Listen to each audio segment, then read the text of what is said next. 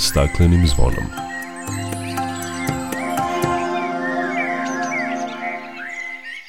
Dobar dan i dobrodošli na Zeleni talas prvog programa radija Radio Televizije Vojvodine. Ja sam Dragana Ratković. Toplotni talas zahvatio je Evropu. Ekstremno visoke temperature preko 40 stepeni izazvale su brojne šumske požare koji su uništili na desetine hiljada hektara šume, uzrokovale su i veoma nizak nivo vodostaja reka u našoj zemlji, što u velikoj meri ima uticaj na živi svet. Zbog suše i vrućina ugroženo je i zelenilo, posebno u gradovima. Čućete koliko visoke temperature, sve učestali toplotni talasi i suša utiču na zelenilo u gradu i kako da ga zaštitimo. Skupština grada Novog Sada usvojila je generalni urbanistički plan do 2030. koji je izazvao veliku polemiku u javnosti zbog čega je grupa građana pre njegovog usvajanja protestvovala. Govorit ćemo i o izložbi Priroda budućnosti, otvorenoj u rektoratu Univerziteta u Novom Sadu, o klimatskoj kapsuli i projektu Ekotopije kao delu projekta Ekotisak koji spaja umetnost i nauku. Biće reči i o dokumentarnim filmovima posvećenim temama očuvanja zaštite životne sredine koji su u okviru selekcije Ekodox prikazani na 29. Paličkom festivalu, kao i o prvom Limenka Teatar Festu koji kroz pozorišnu umetnost decu i mlade edukuje o reciklaži i važnosti zaštite životne sredine. Toliko u najavi nakon pozdravne pesme o svemu opširnije. Dok priroda kraj nas plače Za vladarskim svojim tronom Tužno vele narikače Pod staklenim nismo zvonom Znaj vazduha više nema Sve manje Protiv sebe ide čovek i to često bez pardona. Uništenju živog sveta Kao da su ljudi skloni Čovek sam je sebi meta Zbog njega ovo zvono zvoni Uništenju živog sveta Kao da su ljudi skloni Čovek sam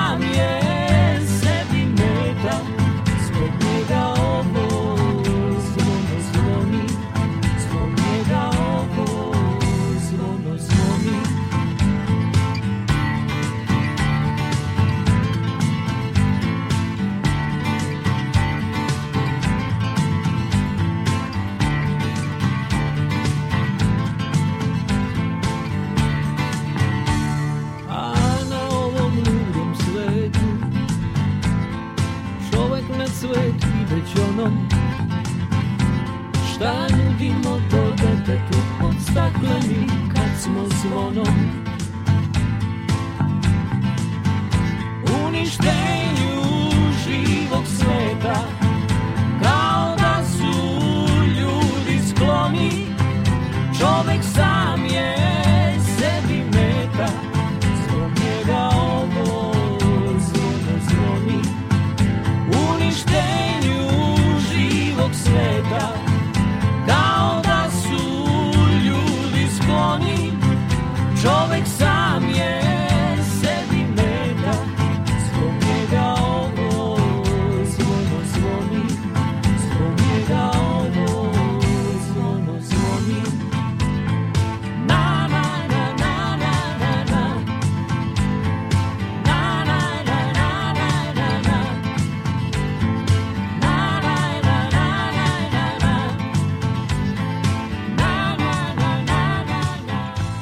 Veliki toplotni talas zahvatio je Evropu sa temperaturama koje ovih dana obaraju nove rekorde u mnogim zemljama. Britanska meteorološka služba izdala je svoje prvo crveno upozorenje za ekstremne vrućine u Engleskoj, što ukazuje na opasnost po život sa temperaturama koje ovih dana idu i do 43 stepena Celzijusa. Temperature preko 40 stepeni zabeležene su i u Francuskoj, u delovima Nemačke, Španije, Portugala i Italije, kao i u zemljama istočne Evrope, uključujući i Srbiju. Period bez padavina sa veoma visokim dnevnim temperaturama uticao je na vodostaj reka u našoj zemlji koji je na veoma niskom nivou. Prema podacima Republičkog hidrometeorološkog zavoda u svim rekama vodostaj će stagnirati ili opadati. Uz to temperature Dunava, Save i Tise iznad su prosečnih vrednosti temperatura vode za ovo doba godine. Kako kažu stručnjaci, trenutni vodoste reka blizu je biološkog minimuma i takva situacija će potrajati do septembra. Uz porast dnevnih temperatura i vodostaj koji opada, količina kiselnika u rekama lagano se smanjuje, što u velikoj meri ima uticaja na živi svet u rekama. Stručnjaci predviđaju da samo ozbiljnije padavine mogu da utiču na trenutnu situaciju. Riblji fond na akumulaciji čonoplja ugrožen je zbog presušivanja jezera usled visokih temperatura i najveća suša od 2012. godine, što je uzrokovalo pomor ribe. Nizak vodostaj je dugogodišnji problem, kaže Momir Kostić iz Udruženja ribolovaca Čonoplja. Problem datira već pet godina, ovaj, stalno svako proleće smo imali uh, sve manju manju akumulaciju, nema kiša, nema snega. Kad je temperatura 30 stepeni i više, Znači, ako malo još i vetrića ima, gube dnevno na nivou od, 3, od 2,5 do 3 cm. Zbog presušivanja jezera u Čonoplji u vodama Vojvodine doneli su odluku da se riba izmesti po hitnom postupku. Igor Kolaković kaže da ovaj izuzetno zahtevan posao, kako bi se spasio preostali riblji fond, vode Vojvodine prvi put preduzimaju posle više od decenije. Translokacija ribljeg fonda podrazumeva prvo izlov preostale žive ribe, smeštanje u velike kanistere koje imaju dotok, sveže dotok kiselnika konstantno i voze se u najbližu ribolovnu vodu koja je u ovom slučaju kanal Vrbas-Bezdan koji je sastavni deo hidrosistema Dunav-Tisa-Dunav. Ekstremno visoke temperature u Evropi koje ne jenjavaju nekoliko nedelja unazad izazvale su brojne šumske požare koji su uništili na desetine hiljada hektara šume i uzrokovali masovnu evakuaciju, javljaju svetski mediji.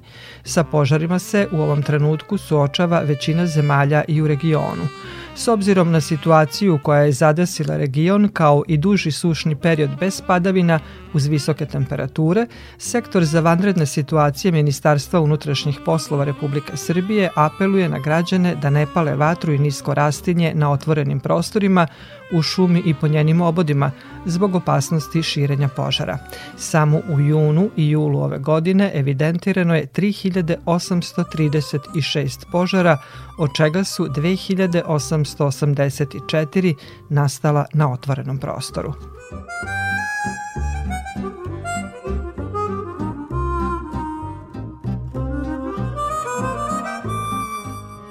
Naučnici su izračunali da klimatske promene čine letnje toplotne talase pet puta verovatnijim i znatno intenzivnijim. Porast temperature posebno je izražen u gradovima. Poznato je da drveće i zelenilo pomaže stanovnicima gradova da ublaže visoke temperature jer im pruža hlad i sparava vodu što pruža efekat hlađenja. Nažalost, zelenila u gradovima nema dovoljno, a i ono što ima Na ovim temperaturama suši se i vene. Koliko visoke temperature, sve učestaliji toplotni talasi i suša utiču na zelenilo u gradu i kako da ga zaštitimo. Tim povodom gošća emisije je Majda Adlešić, inženjerka hortikulture. Majda, dobrodošli na Zeleni talas Radio Novog Sada. Dobar dan, Dragana. Majda, iz godine u godinu temperature su sve više, toplotni talasi sve učestaliji, padavine su neravnomerno raspoređene i drveće i zelenilo kažu pomažu u ublažavanju toplotnih talasa, ali moramo priznati da u urbanim sredinama imamo jako malo zelenila i kažu se manje prostora da ga sadimo. Pa jeste, da, baš je ono što, što ste rekli u uvodu bilo jako ovaj, značajno i neki šlagvort za ovo što bih ja rekla, dobra postavka da zelenilo pomaže ljudima u gradovima i samim gradovima. A koliko mi kao građani i sam grad kao institucija, da kažemo, pomaže zelenilu, to je veliko pitanje. Mi se nalazimo u periodu očigledno vrlo krupnih promena koje definitivno ne uspevamo da sagledamo u potpunosti i jedna od velikih posledica toga su suše koje su sada već kod nas toliko učestale, intenzivne i sveopšte prisutne da počinju negde da postaju obeležje klime našeg područja. Ja samo bih evo skrenula pažnju na to koliko mi ovog leta, proleća i zime imamo malo kišnih dana. Pri tome postoje dani sa padavinama, ali su one toliko obimne i potpuno van kontrole da stvaraju problem druge vrste. Kako između toga naći realnu opciju da tu vodu koja nam padne kad padne nekako sačuvamo i kako iskoristiti za one dane kad nemamo padavine, pogotovo znači kad je reč o javnim površinama, to je pitanje očigledno za neke timove koji bi trebali time da se pozabave na nivou grada, ne samo Novog Sada, nego svih drugih, pogotovo većih gradova.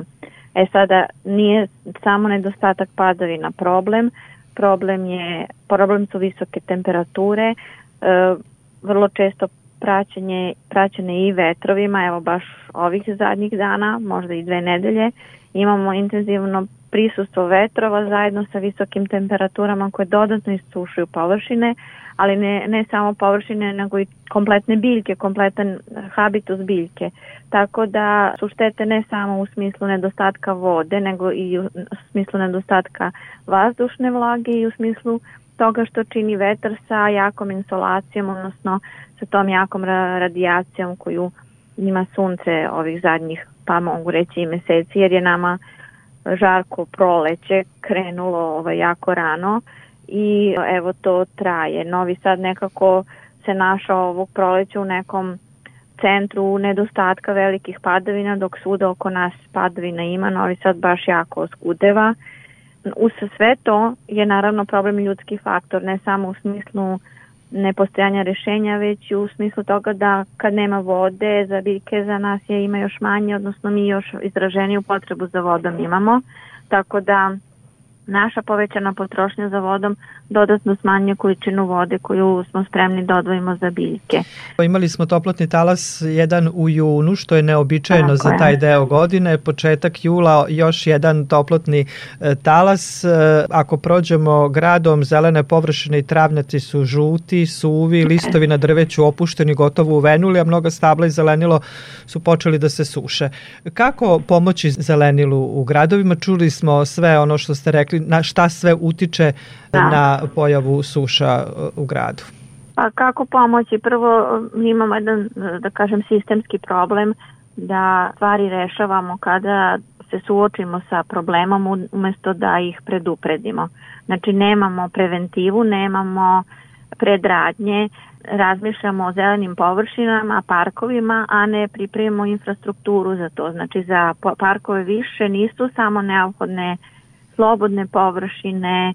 Vrlo je bitno imati svest o tome da je neophodno planirati zalivni sistem kakve god vrste, kakvog god oblika i po mogućstvu da nije vezan za sistem vodovoda grada. Ja sa sticam okolnosti sam u situaciji da održavam dve zelene površine javne i oba slučaja moram da koristim javnu gradsku vodu. Meni nije dobro od te činjenice. S jedne strane sam svesna toga da spašavam biljke, s druge strane da trošim vodu koja je izuzetno skupa dok dođe do krajnjeg e, potrošača, odnosno slavine. Ali ovih dana zbog veće potrošnje i česti su apeli da štedimo vodu. Upravo to, znači činjenice da moramo štediti vodu, nema padavina, prazne se rezervari podzemnih voda iz kojih se mi snabdevamo, s druge strane želimo da imamo zelene površine, apelujemo stalno na broj, na povećanje njihovih kvadrata, broja stabla, a ne radimo ništa konkretno da se to uskladi. Postoji sada zalivni sistem na određenim zelenim površinama u Novom Sadu, na bulevarima, evo u, u parkovima su urađeni sistemi za navodnjavanje, ali kako oni funkcionišu, kojom vodom se snabdevaju, koliko je ta voda dobra za te sisteme, jer su to osetljivi sistemi, koliko oni onda ispravno rade, to su sve onda posledice koje dovode do toga da mi na kraju imamo situaciju da i dalje imamo žute travnjake, i drveće koja nam strada. Nažalost, e, što je starija biljka, sve je podložnja tome da, da strada, tako da ne samo što nam stradaju mlade biljke koje se tek sade, jer dolazi iz uslova gde su kompletno kontrolisani svi uslovi njihovog razvoja, pa samim tim i zalivanja, dolaze u jedan sistem gde nema brige o njima na taj način, ali poseban problem su stabla koje su dugo na jednom mestu i koja sad već ne dolaze do dovoljno vode iz tih podzemnih izvorišta, crpališta kojima se one napajaju vodom. Tako da tu imamo višestruke probleme ja stvarno e, očekujem da se neko konkretno pozabavi time i ovaj, to reši. Ako vidimo iskustva nekih drugih gradova kako čuvaju svoje zelenilo i obezbeđuju vodu za zelenilo, da to nije da. gradski vodovod, dakle to, to je voda iz atmosferskih padavina, skuplja se kišnica koja se kasnije, da, da. tako kažemo, reciklira i koristi za zalivanje. Znamo da postoje zalivni sistemi u, u nekoliko naših parkova, ali recimo ja odlazim u Futočki park i nisam primetila da taj zalivni sistem radi. A, ja sam nedavno bila u Limanskom parku, tamo sam nešto radila s decom krajem školske godine, baš su isprobavali, znači kad je već uveliko temperatura bila visoka, oni su tek onda isprobavali, uštimavali sistem i rasprskivače, ok, ako je to i tada urađeno, iskreno ne znam kakva je sada trava u, u Limanskom parku, ali ne očekujem neko veliko čudo. E, evo sada je valjda i u Dunavskom parku urađen e, sistem za navodnjavanje, ali je, na primjer, evo, e, grade se novi stambeni blokovi, zgrade e, trude se da naprave neke zelene pojaseve oko tih stambenih zgrada, pri tome ne kopaju bunare za te sisteme za navodnjavanje, nego se to zelenilo zaliva iz e, slavina koje su u, tim zgradama. Znači prvo uskraćuje se tim ljudima koji žive u zgradama voda, smanjuje se kapacitet potrošnje, troši se nenormalno puno vode, to će na kraju ti ljudi morati da plate, troši se voda koja je pijaća, umesto da je vrlo jednostavno bilo ovaj, iskopati bunar, postaviti pumpu i na osnovu toga izgraditi sistem. Odgovor na sve to, kad sam ja to pitala, bio je da je to jako komplikovano, jer oni kad grade zgradu imaju jako puno podizvođača, svi imaju različite nadležnosti, za sve potrebna ogromna papirologija i onda je valjda najjednostavnije ništa ne uraditi. To je izgleda negde u našem mentalitetu. Da, ali ajde da se vratimo na opet naše zelenilo koji pati ovih dana zbog visokih temperatura. Kad je reč o nekim javnim površinama, tu naravno mi e, kao građani ne možemo pomoći, ali sigurno da možemo pomoći onom zelenilu koji je u našem neposrednom okruženju oko naše zgrade ili u dvorištu.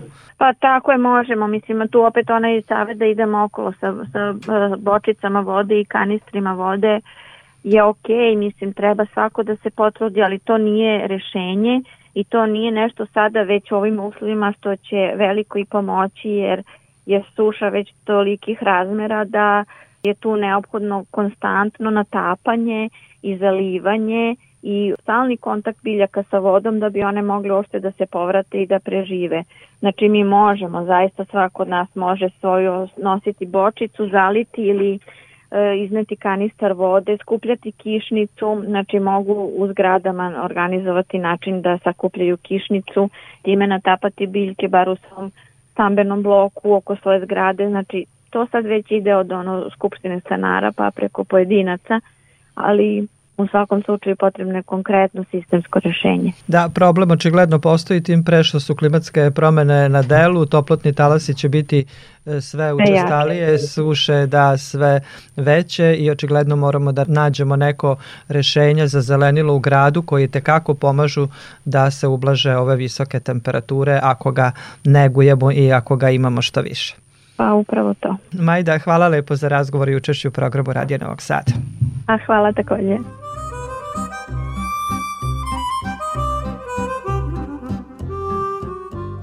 Da visoke temperature i suša utiču na stanje zelenila u gradu potvrdila nam je i Jelena Budimčić-Price iz javnokomunalnog preduzeća Zelenilo u Novom Sadu. Ona kaže da ove godine nije bilo dovoljno padavina ni preko zime, tako da biljke nisu imale dovoljnu količinu vode neophodnu za početak proleća, pa je gradsko zelenilo od marta ušlo u sezonu intenzivnog zalivanja i putem zalivnih sistema i ručno zalivni sistemi koji postoje su u funkciji i e, rade u režimu od 23 časova noću do 5 ujutru, s obzirom na to da smo imali pritužbe građana koji šetaju parkovima da toku dana im e, smetaju zalivni sistemi, zapravo prskalice koje prskaju tokom šetnje. Mi intenzivno zalivamo, kažem, putem zalivnih sistema od 23 do 5 ujutru kada su parkovi u pitanju, a što se tiče ostalih delova grada, to je zalivanje u dve smene, čak e, u prethodnih mesec i po dana, kako je intenzivno i krenulo sa vrućinama, zalivanje se radi i nedeljom. Tako da e, zelenilo daje maksimalan napor da nadoknadi svu vlagu koja je neophodna u gradu i da sačuvamo i postojeće i nove sadnice koje su tokom proteklog proleće i jeseni posađene.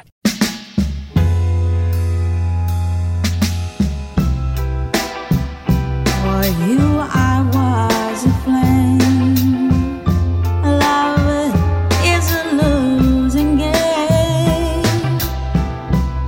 story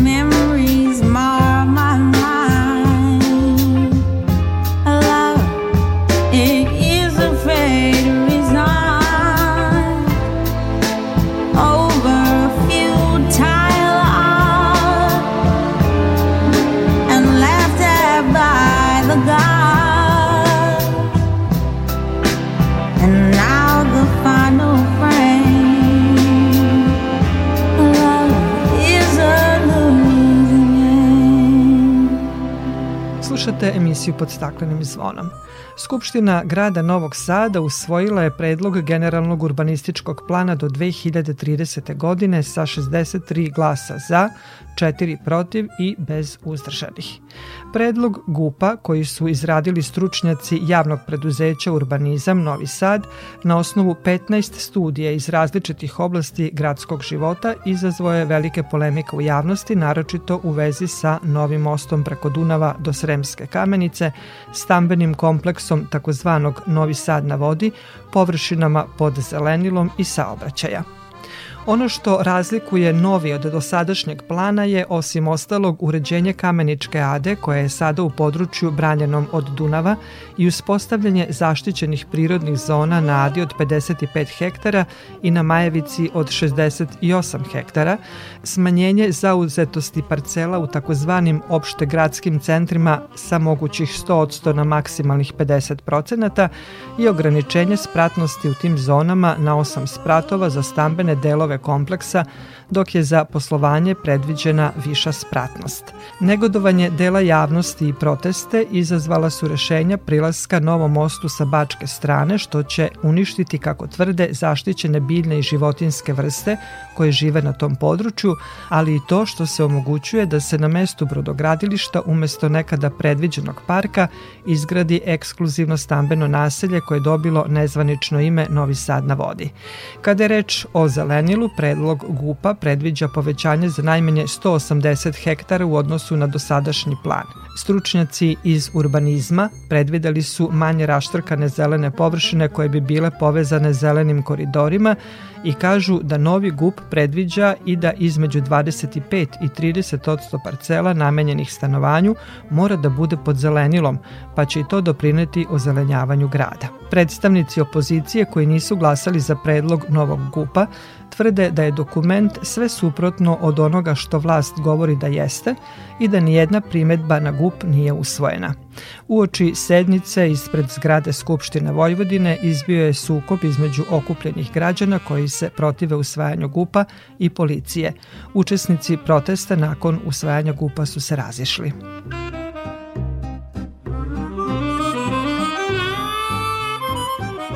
Slušate emisiju pod staklenim zvonom. U Novom Sadu, Evropskoj prestonici kulture, kao završnica projekta Eko Tisak, Centar za promociju nauke sa svojim novosadskim partnerima, Filozofskim fakultetom, Akademijom umetnosti Univerziteta u Novom Sadu i organizacijom Zeleni Sad, i uz podršku fondacije Novi Sad 2022 organizovali su u rektoratu univerziteta izložbu sa selekcijom radova koji kroz spoj umetnosti i nauke tumače brojne teme i izazove u kontekstu klimatskih promena pod nazivom Priroda budućnosti. Aktivnosti projekta Ekotisak realizuju se od septembra prošle godine programom posvećenim klimatskim izazovima i multidisciplinarnim istraživanjima na tom polju.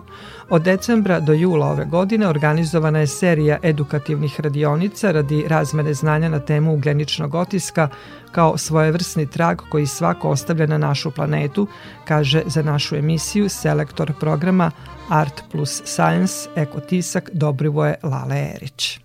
Već godinu dana razmatramo različite aspekte koji zapravo definišu i kreiraju našu klimatsku realnost. Dakle, sve one e, ekološke elemente, zagađenje, veliku eksploataciju resursa, narušene prirodne uslove, e, otežane okolnosti za život ljudi. Evo vidimo i sada, jel da, u ovoj nedelji se, nažalost, očekuje najjači toplotni toplotni udar, toplotni talas ovoga leta, ove čitave sezone, tako da ova e, izložba i čitav projekat Ekotisak prilično meri ko, koreliraju sa našom realnošću i pokušavaju da je predstave s jedne strane iz objektivnog ugla, a to su naučne činjenice, naučni rezultati, analize i predikcije budućih dešavanja, ali takođe ne treba ništa manje zanemariti taj subjektivni umetnički pogled koji nam zapravo omogućava da na tu realnost, makoliko surova, teška i kompleksna bila, zapravo pogledamo iz jedne alternativne perspektive i da objedinjujući naučna znanja i umetničke prakse zapravo pokušamo da pronađemo neku bolju budućnost i da definišemo tu prirodu budućnosti u kojoj ćemo živeti u narednim decenijama. Na izložbi u paviljonu rektorata univerziteta u,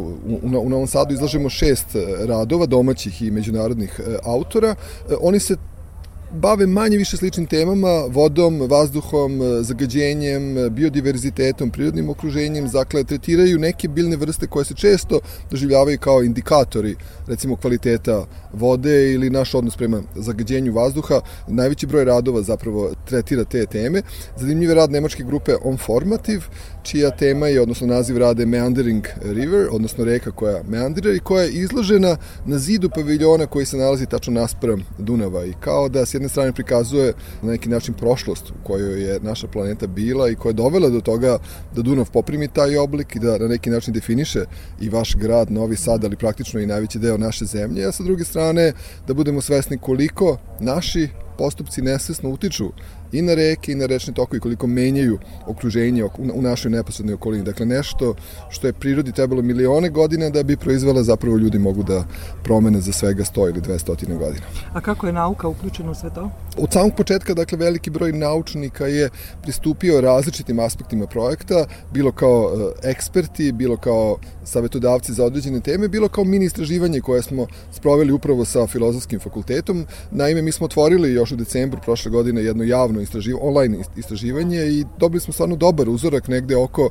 čini mi se 550 odgovora iz čitave zemlje, oko 350 iz Novog Sada, da vidimo koliko ljudi razumeju opšte fenomen klimatskih promena, šta su uzoraci, koje su posledice, koje veze među njima, koja je korelacija među nekih naših vrlo svakodnevnih e, navika i postupaka u odnosu na one posledice kojima se mi e, bavimo. I te rezultate upravo prikazujemo takođe u okviru našeg programa i verujem da će i istraživači sa Filozofskog fakulteta zapravo u svom radu i dalje analizirati ono što smo prikupili i na neki način uticati ne na promene navika, nama nije to tema, nama je tema zapravo da budemo svesni realnosti i da razumemo prirodu procesa u kojima se nalazimo, da na neki način steknemo klimatsku pismenost, jer verujemo da je to jedno, jedan set i alata i veština koja nam je neophodan, pa na kraju krajeva za bukvalno preživljavanje u današnje vreme. Da, ako, ako smo svesni toga, onda ćemo sigurno i menjati svoje navike. Pa pazite, mi ljudi smo, jel da, čudna vrsta. I e, bojim se da, nažalost, i sadašnji trenutak na mnogo načina u svetu, ali naša istorija govore da često zapravo radimo u korist svoje štete. I to možda nije neka najpozitivnija poruka, ali eto, ja sam i, i tekst u katalogu zatvorio rečima budimo više ljudi, kao što je neko rekao, a ne samo puki posmatrači svoje sudbine. Hvala najlepše. Hvala vama. Izložba će u rektoratu Univerzitetu u Novom Sadu biti otvorena do 7. avgusta a u petak na štrandu u Novom Sadu otvoren je desetodnevni program u okviru programskog luka Dunavsko more pod okriljem Fondacije Novi Sad 2022 u kome se Centar za promociju nauke predstavlja sa dve celine koji spajaju umetnost i nauku, klimatska kapsula i ekotopije. Kao deo projekta Ekotisak, klimatska kapsula započinje svoje putovanje u Novom Sadu. Prema rečima Marijane Brkić iz Centra za promociju nauke, ta naučno-umetnička platforma neposredan je poziv na klimatsku akciju svih građana i građanke i podsjeća nas na ličnu odgovornost svakog od nas. Želi smo u stvari da baš ovde, da kažem, napravimo premijeru i da prikažemo jedan sadržaj koji je prilično inovativan, zato što je to e, saradnja naučnika i umetnika kroz koju mi želimo u stvari da pokažemo našu budućnost, kako će izgledati 2057. godine ukoliko ne budemo uradili ništa po pitanju situacije koja se sada dešava, to je u stvari su klimatske promene. I trenutno vidimo da nas očekuje 40 stepeni, što je u stvari za nas, da kažem, dobra stvar u kontekstu klimatske kapsule i razumevanja našeg e, rada, ali s druge strane je jako loša stvar po planetu na kojoj mi zapravo želimo da ukažemo i želimo da pokažemo kako će u stvari to sve još i e, da kažem dramatičnije izgledati 2057. godine. Sam projekat Klimatska kapsula zapravo se prikazuje sada na jedan zanimljiv način, a to je u stvari u kombiju, e, gde će posetioci imati priliku da e, iskuse, da kažem, jedan na jedan jednu priču i da vide kako izgleda čovek koji se nalazi 2057. na štrandu i koji razmišlja o svojoj sadašnjosti i e, samim time želi smo u stvari da posetioci u ovom, da kažem, zatvorenom iskustvu mogli da promisle i da se osnaže za to šta u stvari treba sada danas da urade da se ne bi ovakav scenario odigrao 2057. godine. A s druge strane, e, mi ćemo ovaj projekat nakon ovog sada nastaviti i mi ćemo ga menjati, dalje razvijati i plan je da putujemo sa klimatskom kapsulom u 10 zemalja regiona do 2025. godine. U Novom Sadu smo do kraja jula, 31. 1. jula i pozivamo sve posetioce i zainteresovane da dođu svaki dan od 16 do 21 čas da vide rad jer mislim da će im zaista biti, da kažem, drugačije iskustvo koje oni ulaze u kombi, zatvaramo vrata, oni su jedan na jedan sa, sa tim čovekom i sa njegovom pričom koju on ima da ispriča i to je jedan prostor gde oni zaista mogu da sede i da, razmisle o tome kako će izgledati budućnost. I to je jedan, da kažem, alarmantni poziv na akciju.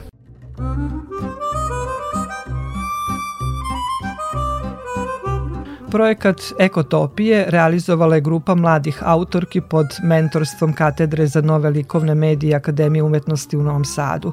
Sa studentkinjama Akademije umetnosti Univerzitetu u Novom Sadu napravili smo saradnju gde su one kroz jedan specifičan rad pokušale da odgovore na neka pitanja u vezi sa budućnošću i klimatskim promenama i kroz rad ekotopije da pruže neke alternative i moguće odgovore, izjavio je za našu emisiju Bojan Kenig iz Centra za promociju nauke.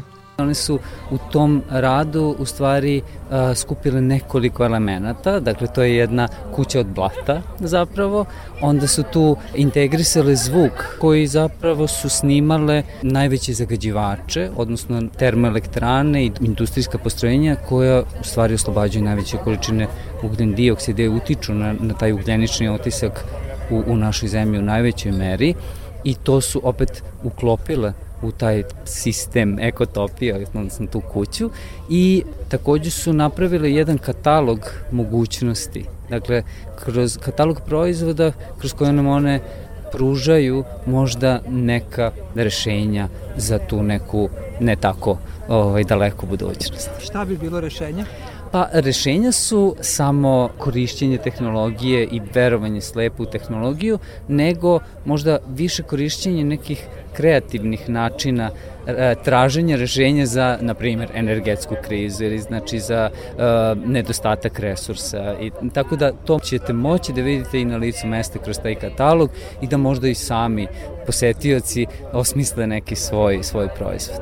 Koliko su umetnici osetili taj sadašnji trenutak e, i nagovestili ono šta će nam se dešavati u budućnosti? Nekako imam utisak i da i nauka i umetnost mnogo ranije nego što to, hajde da kažem, obični ljudi, odnosno ljudi koji nisu toliko u tim oblastima, primećuju i onda i jedni i drugi na svoj način zapravo i upozoravaju i daju neke možda mišljenja ili neke projekcije, neke modele čak i mi smo samo tu da ili to prihvatimo i da nekako možda uskladimo neke naše ovaj, navike i ponašanja sa tim ili samo da ignorišemo, ali odlično je to kada se spoje zapravo i naučne činjenice i umetnički doživljaj svega toga i eto, te neke spekulativne budućnosti, znači neke mogući načini kako mi možemo možda nešto da prevaziđemo, ne samo katastrofizacije neke budućnosti, nego i možda nekih rešenja.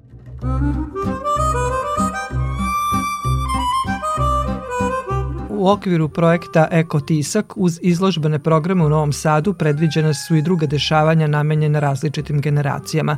Do sredine avgusta biće organizovani letnji deči naučni kamp, Eko punkt postavke, vođene ture, naučni kafe i razgovor o rezultatima i budućnosti projekta Eko Tisak.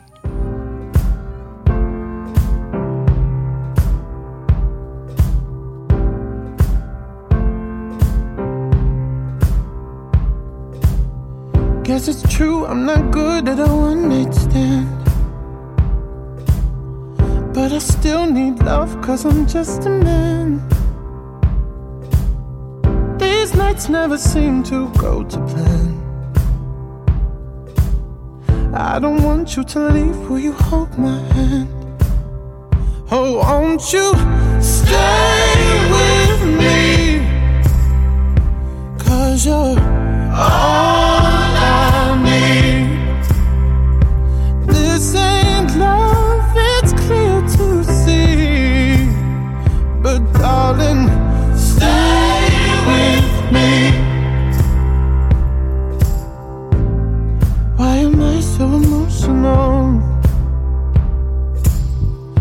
It's not a good look and some self control.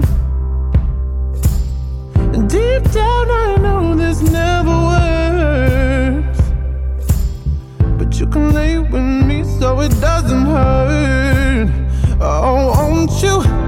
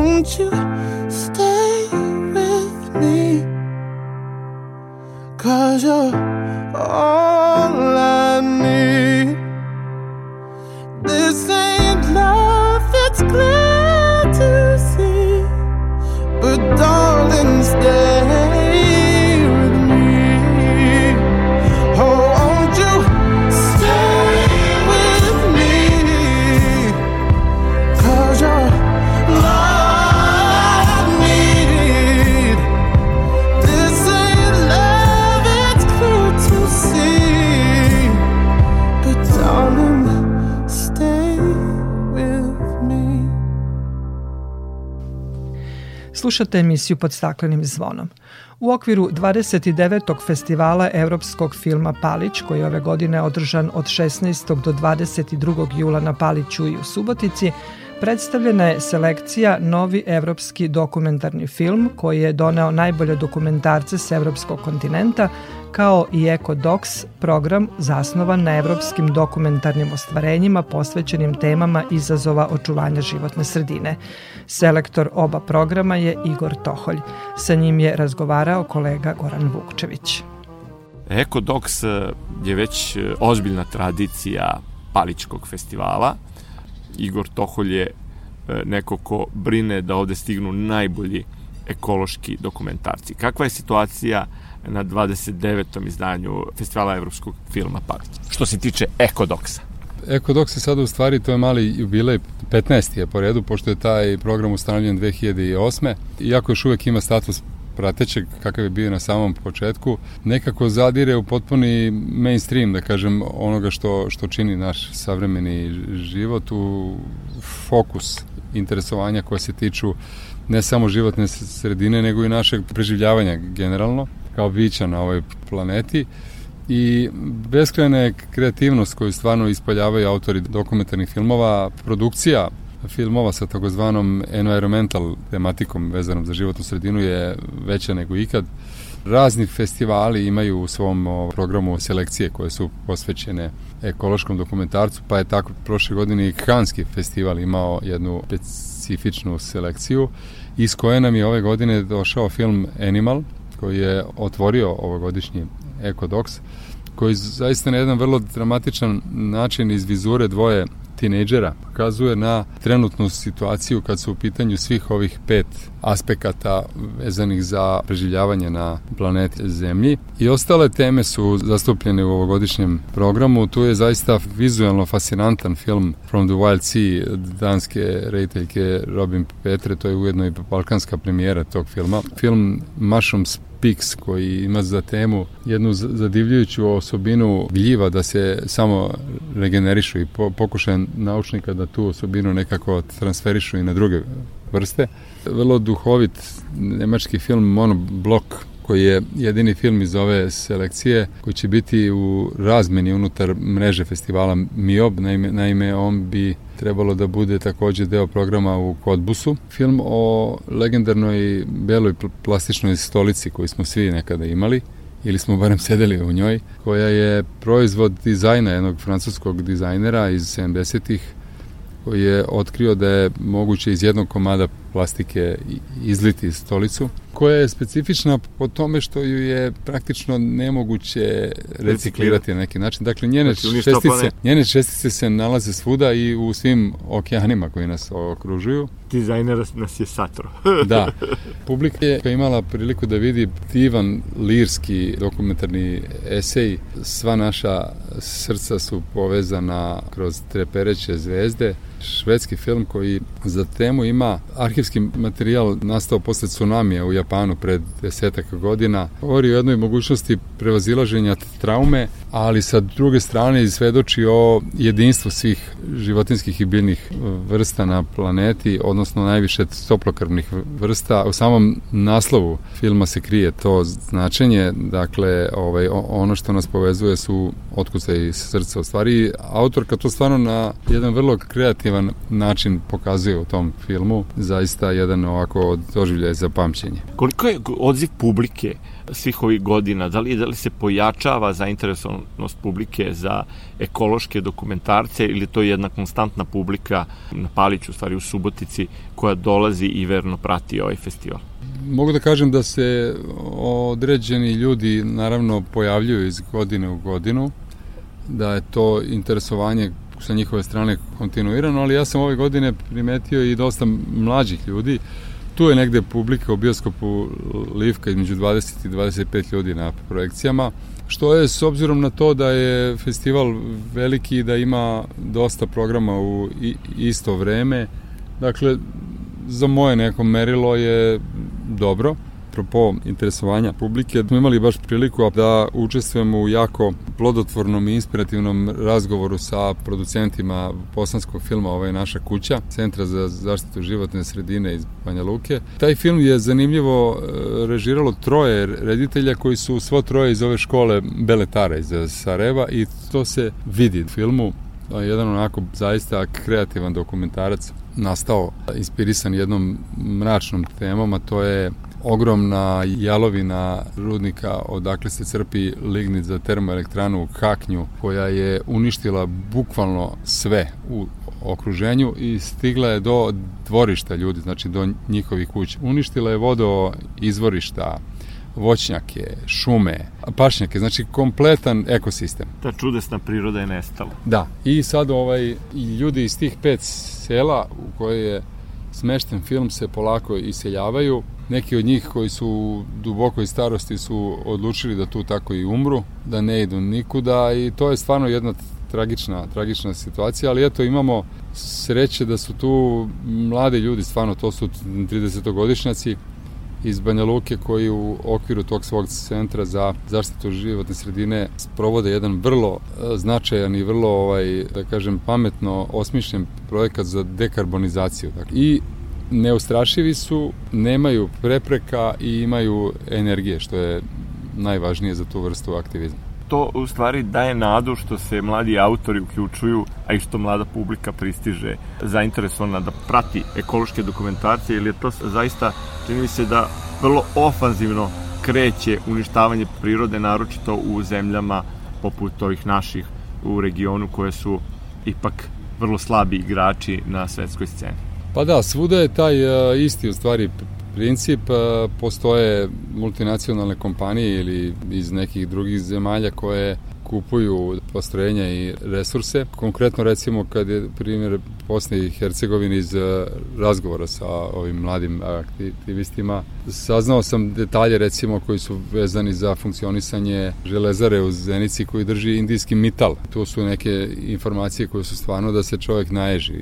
Dakle, slična situacija u svim zemljama našeg regiona, isti jedan model se ponavlja, to se sve nekako predstavlja kao neminovnost tranzicije, a zapravo se iza toga krije nešto mnogo veće. Međutim, naravno, danas su svi ti problemi maskirani ovim ratom u Ukrajini jednom da kažem tako, krovnom energetskom krizom koja će počistiti sve to. Dakle, A to pre će toga biti, pandemijskom i tako? Pre toga pandemijskom, jeste koja je bila onako baš jedan ispit čovečanstva ili možda uvertira za ovo.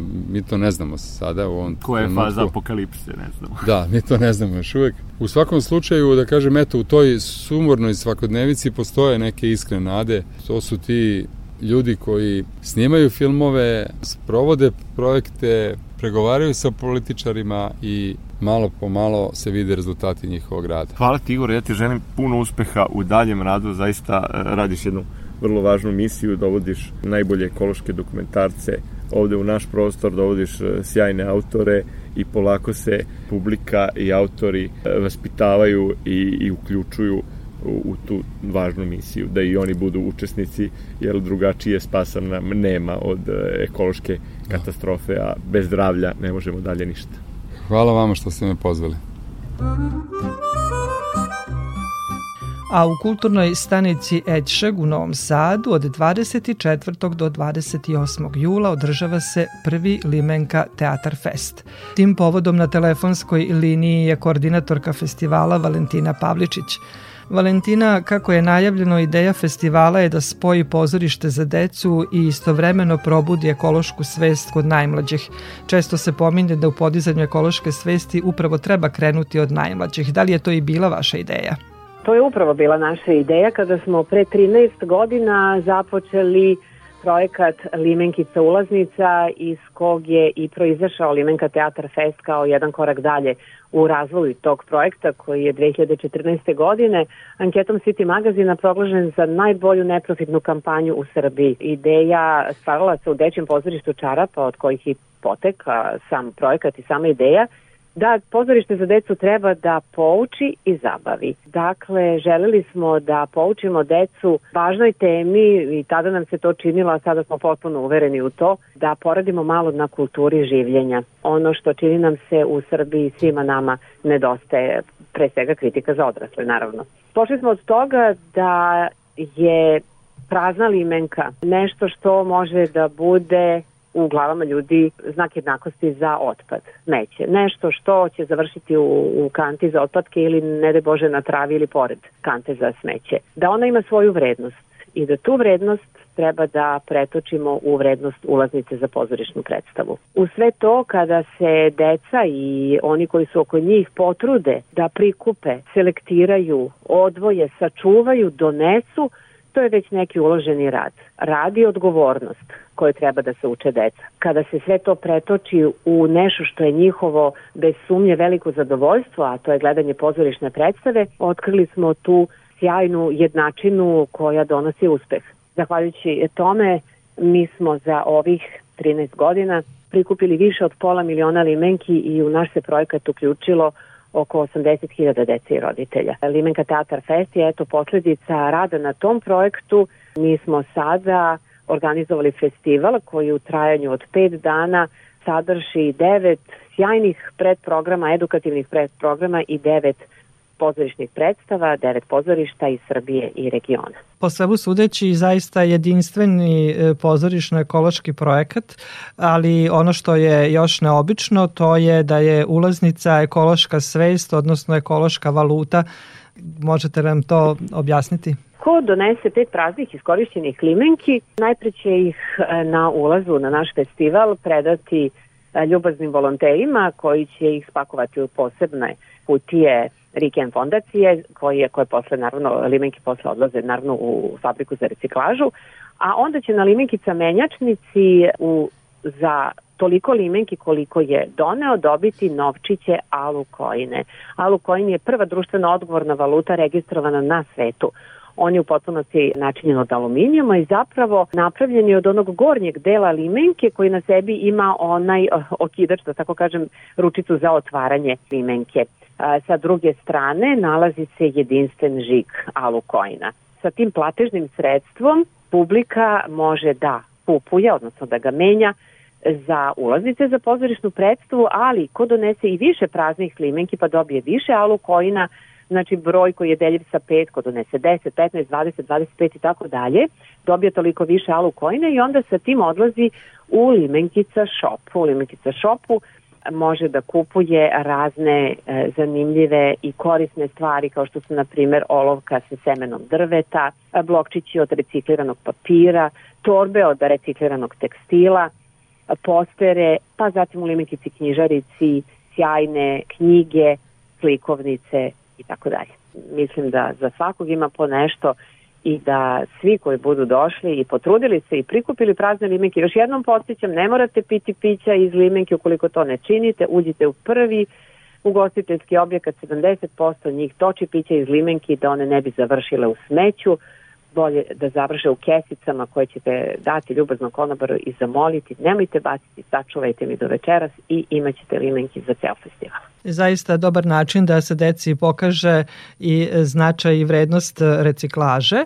Samo bih htela da dodam da se Limenka Teatar Fest odvija u okviru trenutno aktualnog programskog luka Dunavsko more. Dakle, svi projekti koji su koji se sada realizuju u okviru tog programskog luka, ove vezani su tematski za ekologiju. Zaista pravi pozorišno ekološki projekat i taj kao što smo rekli na početku jedinstveni spoj pozorišta i ekologije na Limenka Teatar festivalu koji će biti održan do 28. jula u kulturnoj stanici Ečeg u Novom Sadu. Valentina, hvala vam lepo za razgovor i učešće u programu Radije Novog Sada.